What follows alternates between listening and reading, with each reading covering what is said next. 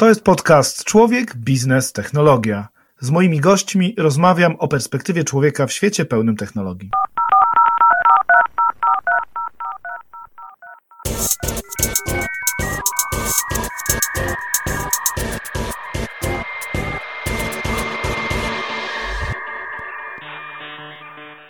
Cześć, dzień dobry. Witam Cię w kolejnym odcinku podcastu Człowiek, Biznes, Technologia.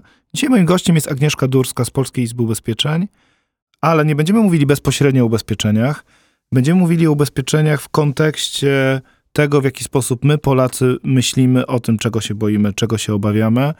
E, I PIU, w skrócie Polska Izba Ubezpieczeń, e, od wielu lat obserwuje to, w jaki sposób Polacy się zachowują, obserwuje to, czego się boimy e, i wydało fantastyczny raport w tym roku, Mapa ryzyka Polaków. I o tym raporcie właśnie będziemy dzisiaj rozmawiali. Będziemy rozmawiali o tym, czego się boimy, czego się obawiamy, co zmieniło się w trakcie pandemii, ale przede wszystkim, czy z naszymi obawami i lękami coś robimy, czy je ubezpieczamy i czy zarządzamy ryzykiem jako Polacy. Myślę, że to jest bardzo ważny temat, w szczególności w momencie też, w którym go nagrywamy. Nagrywamy go mniej więcej w połowie listopada 2021 roku, w sytuacji bardzo mocno niepewnej. I te nasze obawy, myślę, że są takim ważnym teraz tematem rozmów Polaków. I o tym będę z Agnieszką dzisiaj rozmawiał i do tej rozmowy bardzo serdecznie Was zachęcam. Cześć Agnieszka, dzień dobry. Cześć, dzień dobry. Powiedz mi w ogóle, skąd pomysł na ten raport? Zastanawialiśmy się w Izbie, w jaki sposób prowadzić narrację o ubezpieczeniach. No, ubezpieczenia to nie jest temat, który wciąga, jest pasjonujący. Dla nas tak, bo my oczywiście tym żyjemy i z przyjemnością słuchamy o na przykład y, warunkach ubezpieczenia, zakresie polisy i tak dalej. Ale dla przeciętnego człowieka ten temat jest, powiedziałabym, daleko, e, daleko nieinteresujący, żeby nie powiedzieć nudny. No to ubezpieczać się trzeba, wszyscy wiedzą, ubezpieczenia te obowiązkowe, zwłaszcza to po prostu obowiązek, o tych dodatkowych myślimy na zasadzie, o Jezu, znowu trzeba za coś zapłacić, a mnie się nic nie dzieje. Albo a, o Jezu, dlaczego tego nie zrobiłem? No to już po szkodzie niestety. Mhm. Natomiast e, rzeczywiście szukaliśmy takiego sposobu, by tę narrację o ubezpieczeniach prowadzić w taki sposób, by ludzi naprowadzić na to, co jest istotne, czyli na to, że jednak mamy jakieś obawy, że w naszym życiu jest ryzyko i że tym ryzykiem w jakiś sposób trzeba zarządzać, czyli trzeba sobie zapewnić pieniądze, gdy dzieje się coś złego. No i zaczęliśmy się zastanawiać, zaczęliśmy rozmawiać z ekspertami rynku. Bardzo dużo takich roz rozmów przeprowadziliśmy i określiliśmy listę 40 złych zdarzeń, które mogą się nam wydarzyć w życiu. Ponieważ postanowiliśmy pytać, no nie możemy zapytać wprost, czego się boisz, bo jak się zapytamy ciebie o co się, czego się boisz, to ty powiesz horrorów, pająków i takie odpowiedzi nam nic nie dają, bo one są spontaniczne, e, nieprzemyślane, na zasadzie czasami żartu się odpowiada, a tu chodziło o to, żeby ludzi zmusić do pewnej refleksji. A, a więc określiliśmy z ekspertami, te 40 złych zdarzeń to są zarówno takie zdarzenia, które można ubezpieczać i takie, które no, nie po, można ubezpieczać, ale powiedzmy, że pośrednio, czy można nimi w jakiś sposób zarządzać. Jak już zbudowaliśmy listę, zadaliśmy w badaniu dwa pytania. Czego się boisz i jak bardzo uważasz to zdarzenie za prawdopodobne, bo e, czego się boisz, to jeszcze jest trochę za mało, by taką mapę ryzyka stworzyć. I tak powstało nasze badanie.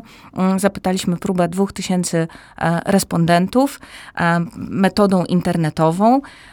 I to badanie, wyniki tego badania mieliśmy w lutym, tuż przed ogłoszeniem lockdownu. No właśnie. No właśnie, czyli zrobiliście pierwsze badanie, wybuchł lockdown i przede wszystkim lockdown lockdownem, ale przede wszystkim wybuchła pewnie potężna nowa obawa, ta, która mogła zaburzyć wyniki tego poprzedniego Myśmy badania. nie wiedzieli w tym momencie, czy ta obawa jest rzeczywiście potężna, bo, bo pamiętaj, że my, my o, o, tej pierwszej fali pandemii myśleliśmy, dobra, będzie, będzie to, to, to będzie trwało parę tygodni. Mm. My zaraz wrócimy do normalnych aktywności. Ale już wiedzieliśmy, że to jest na tyle istotne zdarzenie, że na pewno trzeba e, wstrzymać publikację e, wyników tego pierwszego badania, że trzeba o tym pomyśleć zupełnie inaczej. No jak już był lockdown, jak to zaczęło się e, rozwijać i cała ta pandemiczna sytuacja jakby zda zdawało się, że nie ma końca, postanowiliśmy nasze badanie odłożyć i powtórzyć.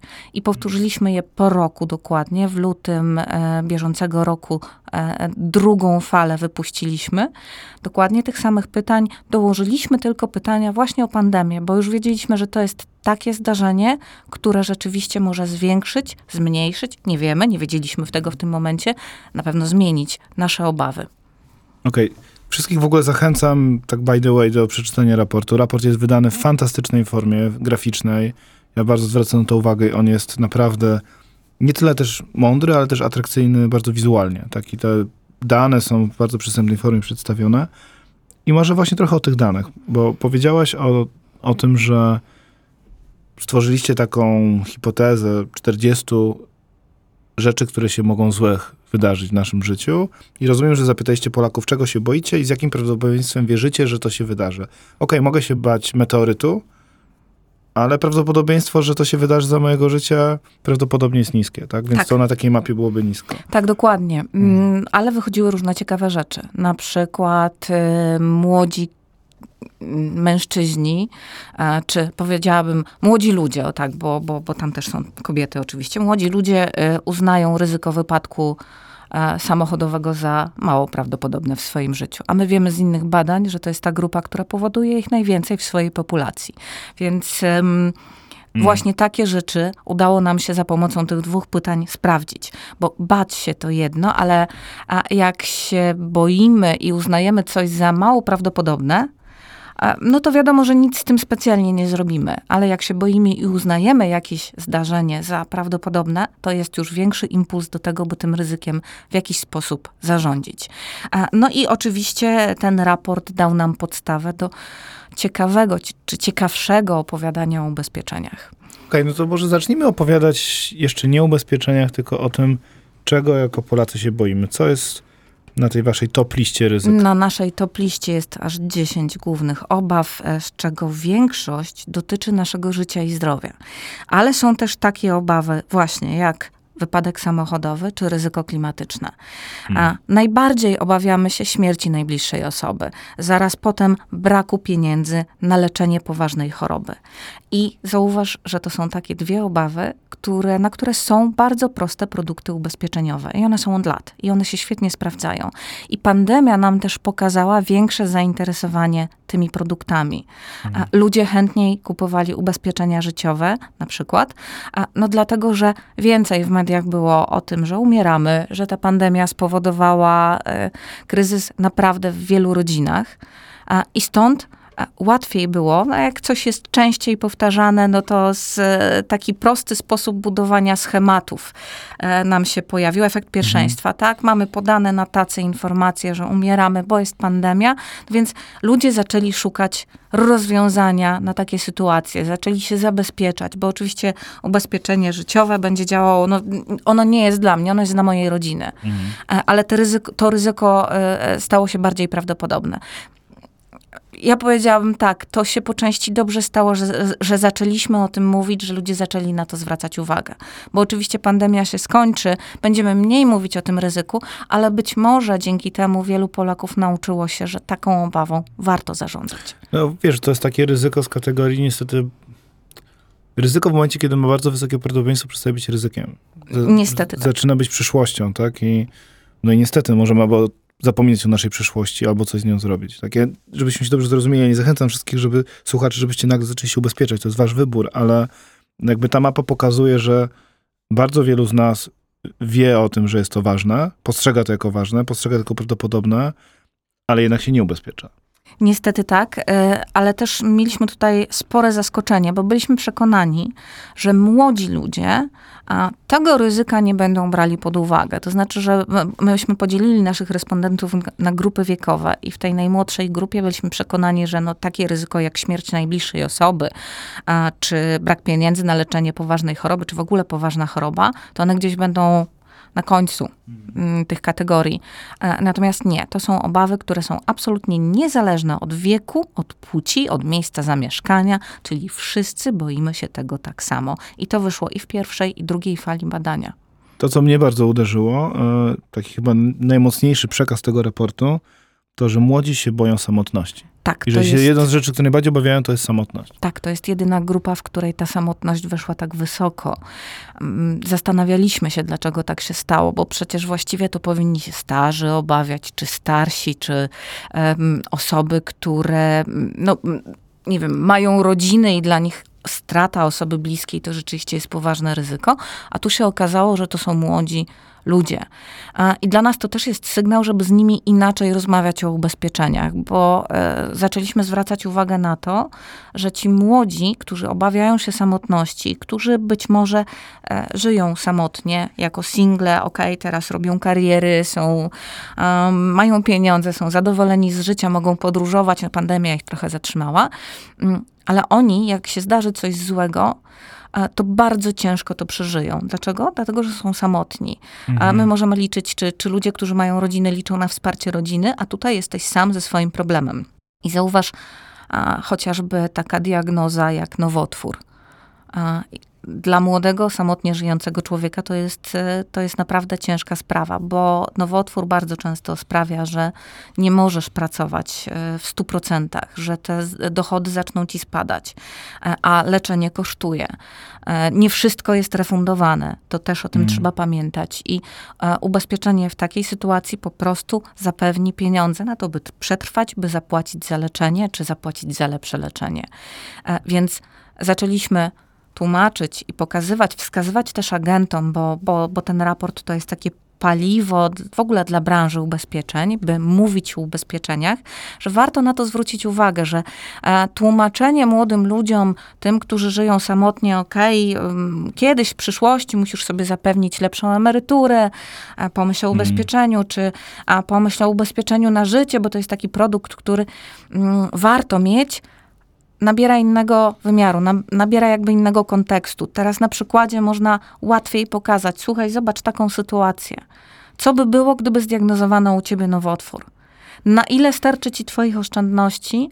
E, W jaki sposób sobie poradzisz z taką sytuacją? Na kogo jeszcze możesz liczyć? Zupełnie inna perspektywa, również właśnie do młodych ludzi. No bo no nie da się ubezpieczyć przed samotnością. Znaczy, no to, to, to, to się nie da. To nie, ale są produkty, które Ale- mnie w tym wesprą. Tak, no więc należy o tym myśleć w ten sposób. Mhm. Taka- sprawią, że będę, będę bezpieczniejsza. Tak, nawet jak, nie wiem, kupuję mieszkanie na kredyt, taką wymarzoną kawalerkę gdzieś w centrum miasta, mam blisko do, do tych miejsc, w których e, bywam, pracuję, super.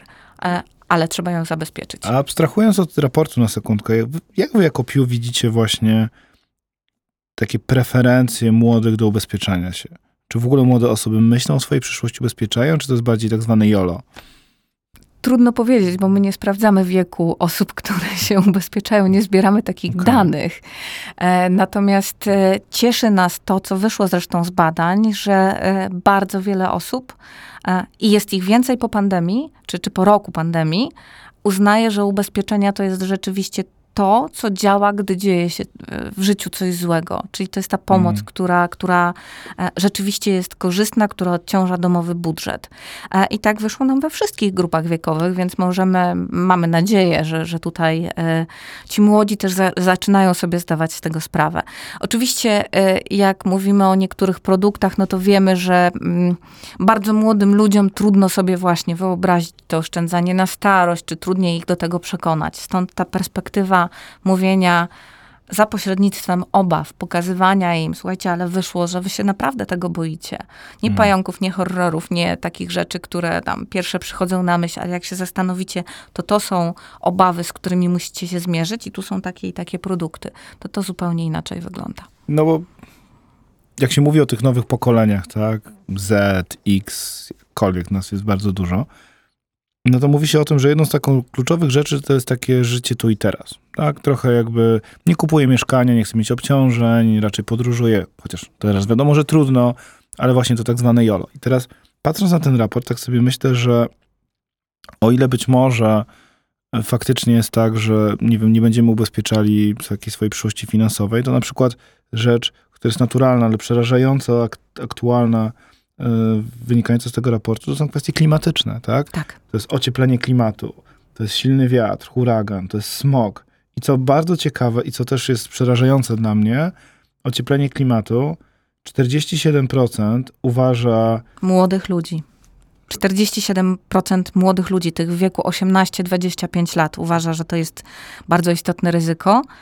A, I jeszcze więcej, bo aż 65% tychże młodych ludzi uznaje, że to jest bardzo prawdopodobne i to jest bardzo wysoko rzeczywiście obawa na liście. Tak, ale jednocześnie, Mhm. ja chciałem do tego nawiązać, ale jednocześnie jak spojrzymy na całą populację, to 47% osób uważa, że obawia się ocieplenia klimatu, ale 64% uważa, że to się wydarzy. Co oznacza, że się Tak. tak naprawdę uważamy, że to się wydarzy, ale w sumie to nie uważamy, że to jest y, jakiś wielki problem. I to jest, to, jest, to jest brak edukacji. Mm, Nie, nie powiedziałabym tak. E, Te badania, które zrobiliśmy, pokazały nam, że ryzyko klimatyczne staje się coraz ważniejsze dla Mm. ludzi. A przed pandemią, czyli e, w lutym 2020 roku, jak, jak e, sprawdzaliśmy wyniki tej pierwszej fali, aż 21%, ja mówię aż, może to jest niewiele, ale 21% osób uznało, że ocieplenie klimatu to mit. Po roku doświadczeń pandemicznych również. Było tych osób 14%, czyli Okej. spory spadek. I bardzo dobrze. Czyli Super. to ocieplenie klimatu staje się coraz ważniejsze, a ludzie uczą się zarządzać tym ryzykiem, bo my pokazujemy w innych naszych materiałach, w jaki sposób do tego podchodzić, a, i to się dzieje. Myśmy robili badania w 2018 roku i 2019, a jak komunikowaliśmy inny nasz produkt, inny raport, który pozwala em, ciekawie opowiadać o klimacie i o zmianach klimatu. I tam sprawdzaliśmy, jak ludzie reagują w takich regionach najbardziej zagrożonych powodzią. I oni mówili, dobra, to się dzieje wszędzie, ale mnie to się nie wydarzy. A, I widzimy zmianę, widzimy zmianę w postawach. Okej, to się dzieje wszędzie, to ryzyko mnie również dotyczy.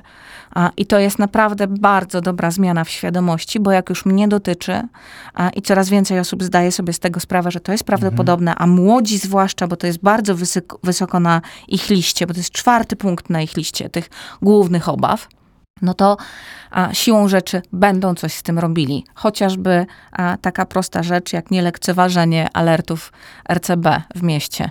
A, Czyli pomyślenie, gdzie ja postawiłem samochód? Na wzniesieniu?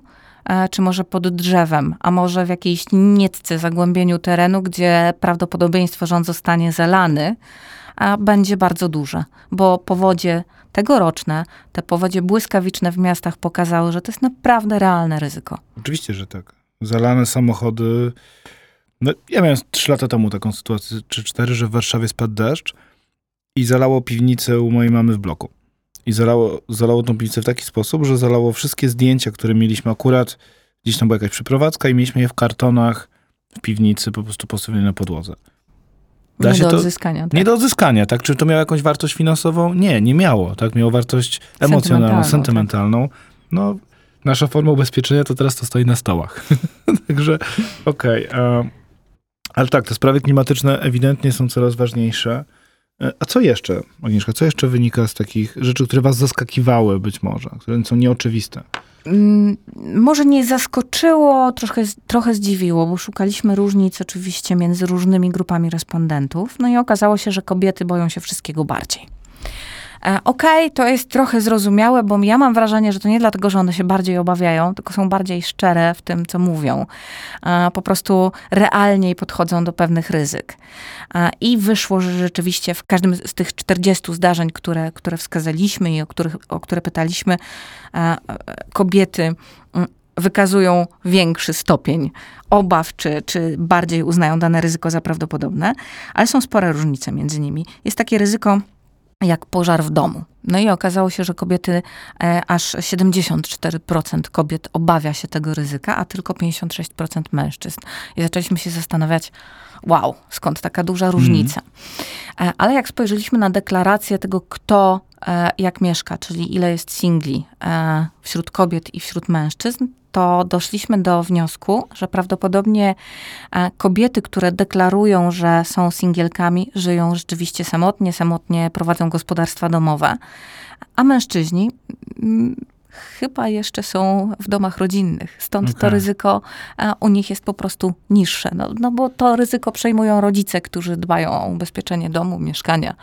A stąd, stąd taka, taka no, chyba znamienna dla na, naszych czasów pokoleniowa różnica, em, czy różnica między kobietami i mężczyznami. Te dziewczyny, które, które wykazywały tę obawę, po prostu e, no, stanęły szybciej samodzielnie na nogi i muszą, muszą zadbać o wszystkie elementy w swoim życiu. Stąd ta obawa. Ale można postawić taką hipotezę, że nie chcę powiedzieć, że kobiety boją się bardziej, ale że bardziej myślą właśnie o tym, co się może zdarzyć, no bo to w kontekście nas, mężczyzn, to też nas nie stawia w zbyt dobrym świetle, tak? No, ja bym się nie bała takiej hipotezy, e, szczerze mówiąc. E, po prostu kwestia innego podejścia do ryzyka. Kobiety tak bardziej, e, wydaje się z tego, co, co mamy w badaniach, racjonalniej do tego podchodzą. Kolejna różnica zresztą jest z mm, tym globalnym ociepleniem. 17% mężczyzn powiedziało, ok, to jest mit, a tylko 11% kobiet w tej mm. grupie, która... No i tu już rodzice nie mają nic do gadania. No dokładnie tak, więc to chyba to, to bardziej racjonalne, ale też były zaskakujące rzeczy, minimalne różnice w podejściu. Byliśmy przekonani, że kobiety będą bardziej się obawiały nowotworów, tymczasem jest to wyżej na liście na top liście mężczyzn. Bo mężczyźni się rzadziej leczą. Bardzo możliwe. To jest przecież obiektywny fakt, że faceci Oczywiście mówi się, że nie lubią chodzić do lekarza, ale patrząc statystyki, mężczyźni się statystycznie rzadziej leczą, profilaktycznie. Tak? może tak, może to z tego wynika. To jest dobra, dobra obserwacja, że rzeczywiście tutaj kobiety, które zarządzają tym ryzykiem, czyli badają się, stosują profilaktykę, myślą o tym zawczasu, wiedzą, że tym ryzykiem się da zarządzić, że e, można zmniejszyć obawy właśnie w taki sposób, że po prostu o siebie dbać. A powiedz mi, Agnieszka, co z tego raportu też i w ogóle mm, z tego myślenia też o tych potrzebach wynika dla ubezpieczycieli. No bo jakby jedna sprawa to jest ta narracja, o której powiedziałaś, że to jest takie paliwo do, do tych rozmów. Tak, tak? ono jest bardzo istotne.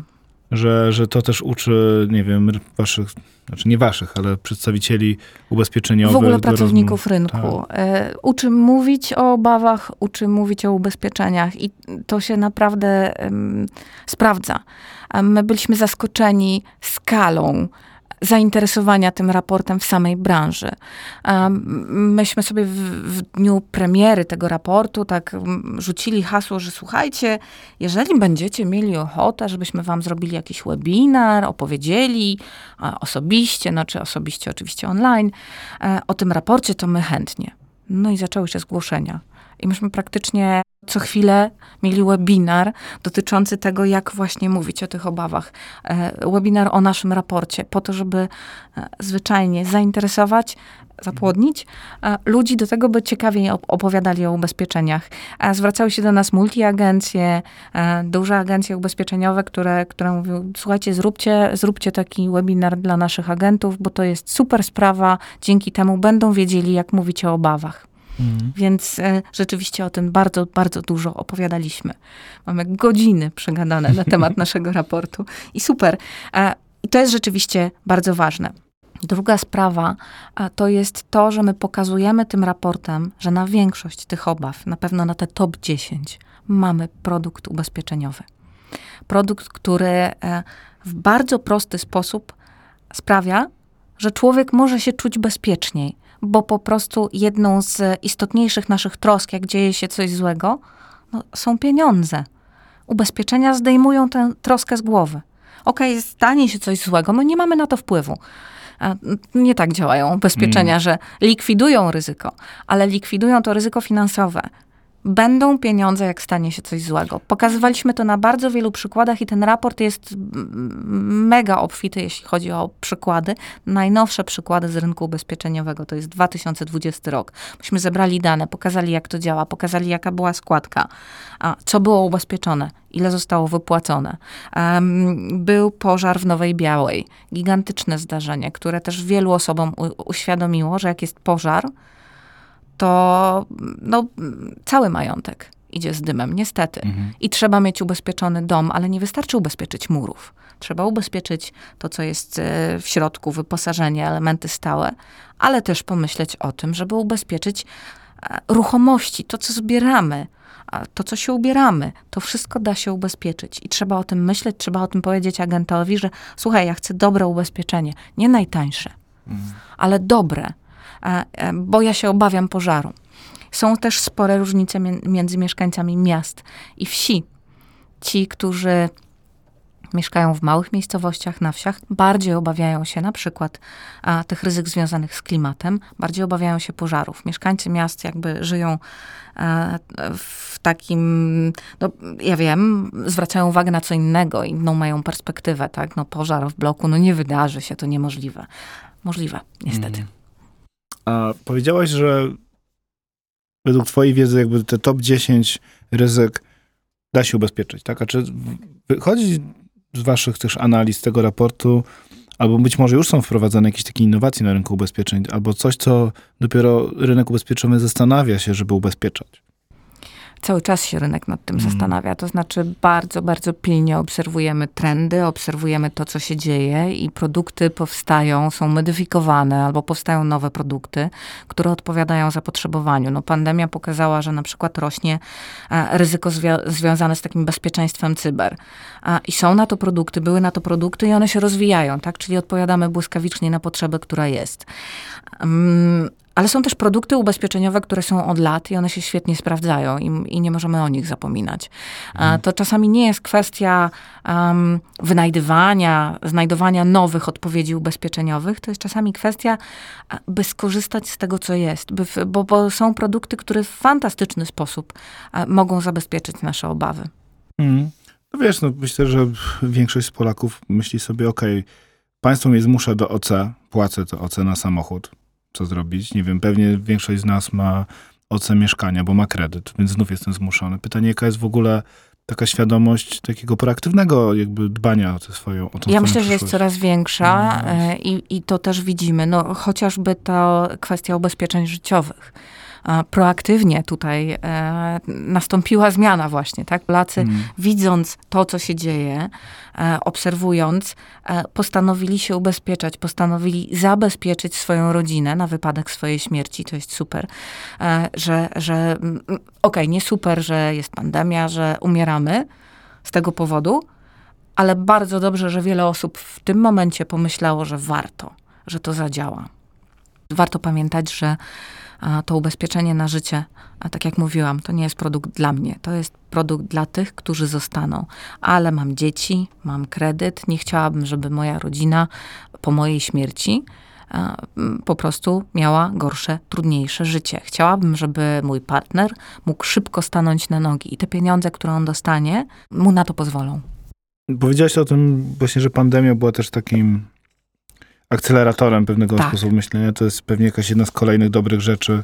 Niewielu, ale jednak kilka ich jest, które nam przyniosło coś dobrego. A powiedz, bo poświęciliście faktycznie osobny dział w tym raporcie na tym, co zmieniło się podczas tego roku, pomiędzy lutym 20 a lutym 2021.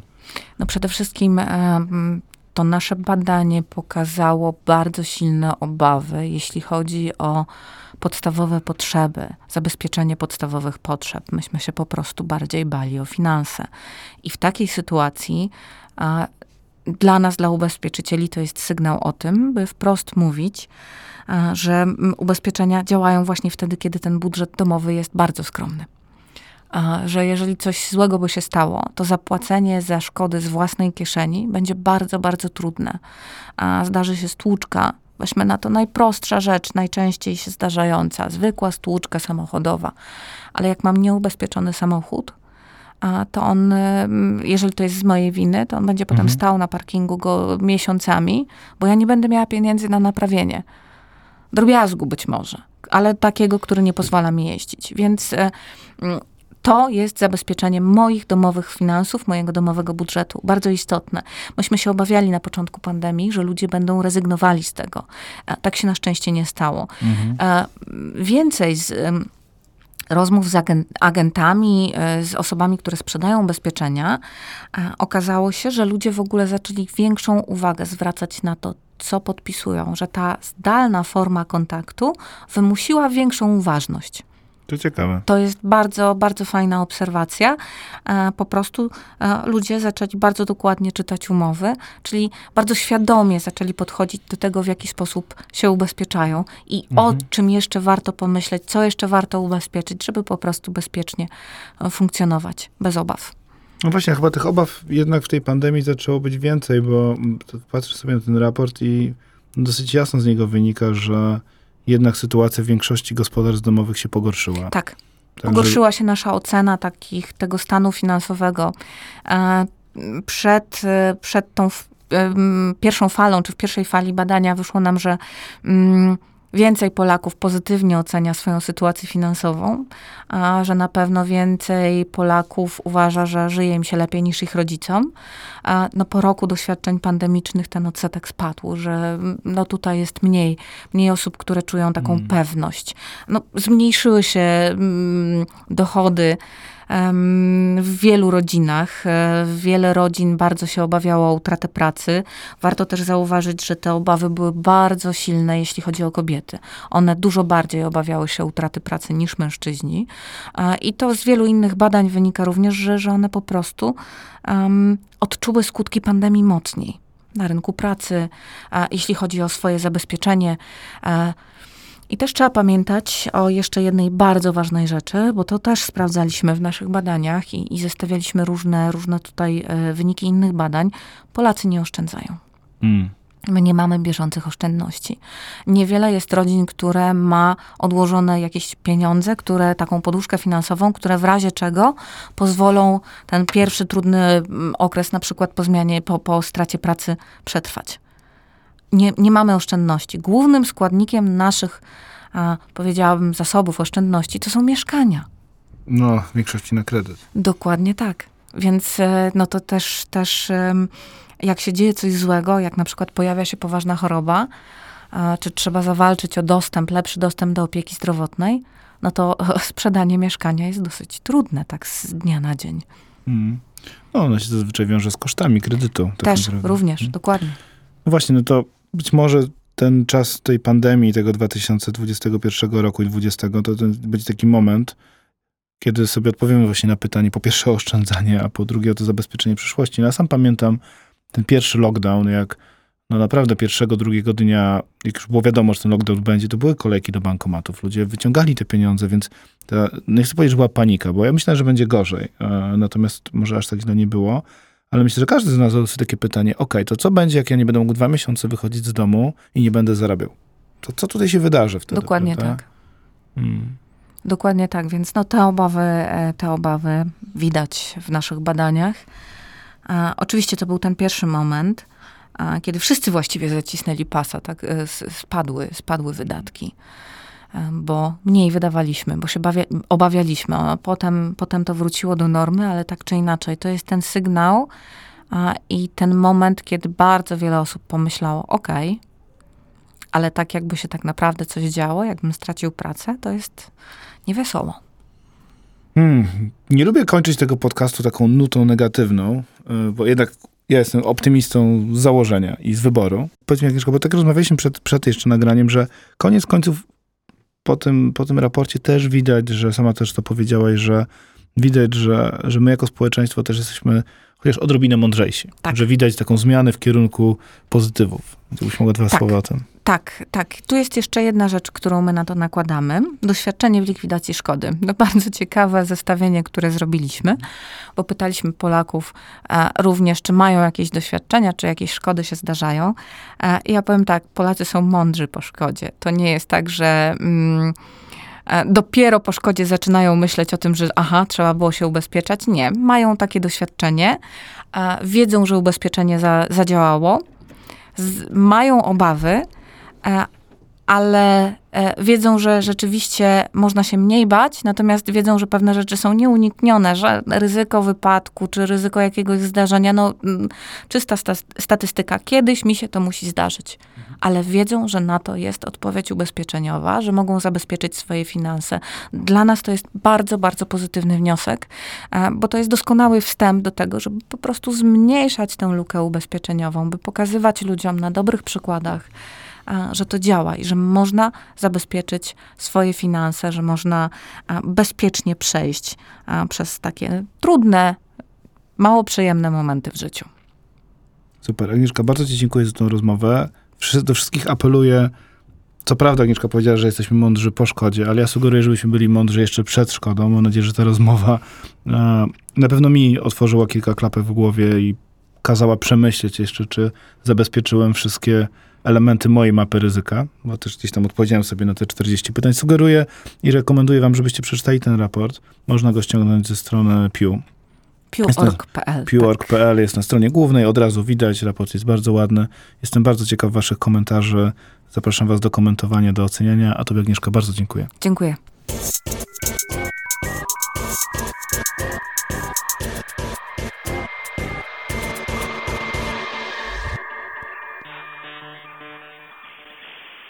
Dziękuję za poświęcony czas.